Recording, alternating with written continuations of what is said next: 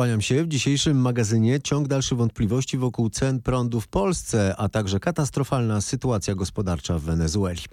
Minister energii zapowiedział zmianę ustawy blokującej podwyżki prądu. Przedstawiciele Komisji Europejskiej wykazali w minionym tygodniu w Brukseli ministrowi, że ustawa, która ma blokować podwyżki, koliduje z unijnymi przepisami. Robimy krok do tyłu, przyznał więc Krzysztof Tchórzewski. Przyznałem się do tego, że za głębokośmy weszli w uprawnienia URE, e, to poprzez e, wprowadzenie rozwiązań w tej ustawie i w tej dziedzinie robimy krok do tyłu.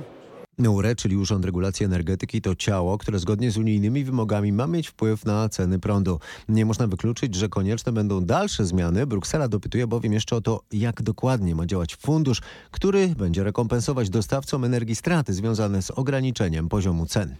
Prąd jest zatem coraz cenniejszy, a latem może go w ogóle brakować. Taka informacja kryje się w niedawno opublikowanym raporcie Urzędu Regulacji Energetyki.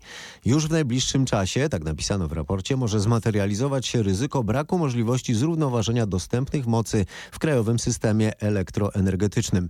Innymi słowy, w czasie wzmożonego zapotrzebowania na prąd latem może go brakować i trzeba będzie ograniczać dostawy.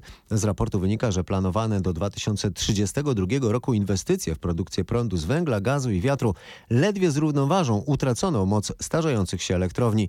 Tymczasem do 2032 roku zapotrzebowanie na energię ma wzrosnąć w Polsce o 1 czwartą. Tak mówią prognozy wniosek bez dodatkowych inwestycji albo importu. Prądu będzie nam brakować coraz bardziej. Okrągły stół w Wenezueli były doradca Solidarności i autor założeń tzw. Tak planu Balcerowicza, amerykański ekonomista Jeffrey Sachs, proponuje, by wzorem Pol Polski z końca lat 80. w Wenezueli zorganizować rozmowy władz z opozycją. Na łamach New York Timesa Sachs przekonuje, że efektem rozmów powinno być powołanie władz przejściowych w Wenezueli. Ekonomista krytykuje wprowadzone przez Waszyngton sankcje, rekwirując jedyną linię zaopatrzenia Wenezueli w żywność i sprzęt do wydobycia ropy. Stany Zjednoczone podpaliły ląd, pisze, przewidując przewidując katastrofę humanitarną na skalę nieznaną na zachodniej półkuli. Dodaje, że przykłady Afganistanu, Iraku, Syrii czy Libii wskazują, iż amerykańskie interwencje przynoszą wieloletnie konflikty. Na razie wspierany przez Chiny i Rosję prezydent Nicolas Maduro zaproponował przyspieszenie wyborów do parlamentu, tak by odbyły się w tym, a nie w przyszłym roku. E, a w ten weekend na wezwanie przywódcy opozycji wspieranego przez Stany Zjednoczone Juana Guaido na ulicę znów wyszły tysiące ludzi. Demonstrowali też zresztą zwolennicy prezydenta Nicolasa Maduro. Obie strony apelują do armii o lojalność. W sobotę o wsparcie opozycji zaapelował w internecie jeden z generałów, ale najpewniej nie ma go w Wenezueli, przebywa prawdopodobnie w sąsiedniej Kolumbii. Gospodarka kraju jest tymczasem w katastrofalnym stanie, przekonał się o tym na miejscu nasz specjalny wysłannik Patryk Michalski. Sklepy w Caracas, które odwiedziłem, albo świecą pustkami, albo pełne są produktów, na które nikogo tu nie stać. Choć półki zazwyczaj są sztucznie zapełniane, bo na trzech regałach widziałem na przykład rozłożone zapasy kaszy czy chleba. Z kolei puste miejsca w lodówkach wypełniają zapasy worków z lodem, których cena przytłacza. Mięso to tutaj luksus, dlatego ludzie nad lodówkami zazwyczaj zatrzymują się na dłużej i liczą, porównują ceny z tym, co widzieli w innych sklepach. Te różnice mogą być naprawdę potężne, dlatego robienie zakupów w Caracas oznacza wizytę w co najmniej dwóch, trzech sklepach. Po pierwsze, żeby właśnie porównać ceny, a po drugie po to, żeby znaleźć te najpotrzebniejsze produkty. Czasami niestety tylko na nie popatrzeć, bo najniższa miesięczna wypłata tutaj to mniej niż 10 dolarów. Jak to możliwe, że kraj, który ma największe na świecie rezerwy ropy jest bankrutem? Przyczyny są złożone. Główna jest taka, że władze oparły działanie państwa na dochodach z ropy.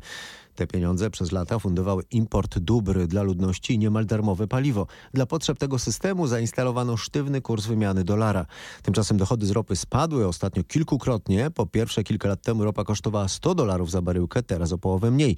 Po drugie, dzienne wydobycie Wenezueli kilka lat temu sięgało 3 milionów baryłek, a teraz spadło niemal do miliona. Dlaczego nie było inwestycji w wydobycie? Były za to kłopoty z kredytem wywołane przez amerykańskie sankcje. Dlatego ostro krytykujący Stany Zjednoczone prezydent Nicolas Maduro wskazuje jako winnych, jak mówi, amerykańskich imperialistów. Wysyłałem depeszę do Donalda Trumpa, ale on patrzy na nas z góry, pogardza Ameryką Łacińską i pogardza całym światem. Uważa, że cały świat ma się poddać Stanom Zjednoczonym. Nicolas Maduro nie wspomina natomiast o korupcji, o tym, że darmowe paliwo przez lata na wielką skalę było przemycane przez mafię do ościennych krajów, co kosztowało państwo dziesiątki miliardów dolarów. Nie wspomina również o tym, że dostęp do sztucznie taniego dolara uzyskanego z ropy skłaniał importerów, którzy mieli taką możliwość, do sprzedaży waluty na czarnym rynku z ogromną przebitką, a nie do sprowadzania lekarstw i jedzenia. Zobaczymy, jak rozwinie się sytuacja w Wenezueli. To wszystko w dzisiejszym magazynie ekonomicznym. Zapraszam przy okazji na fakty ekonomiczne od poniedziałku do piątku o 7.30 i 17.30.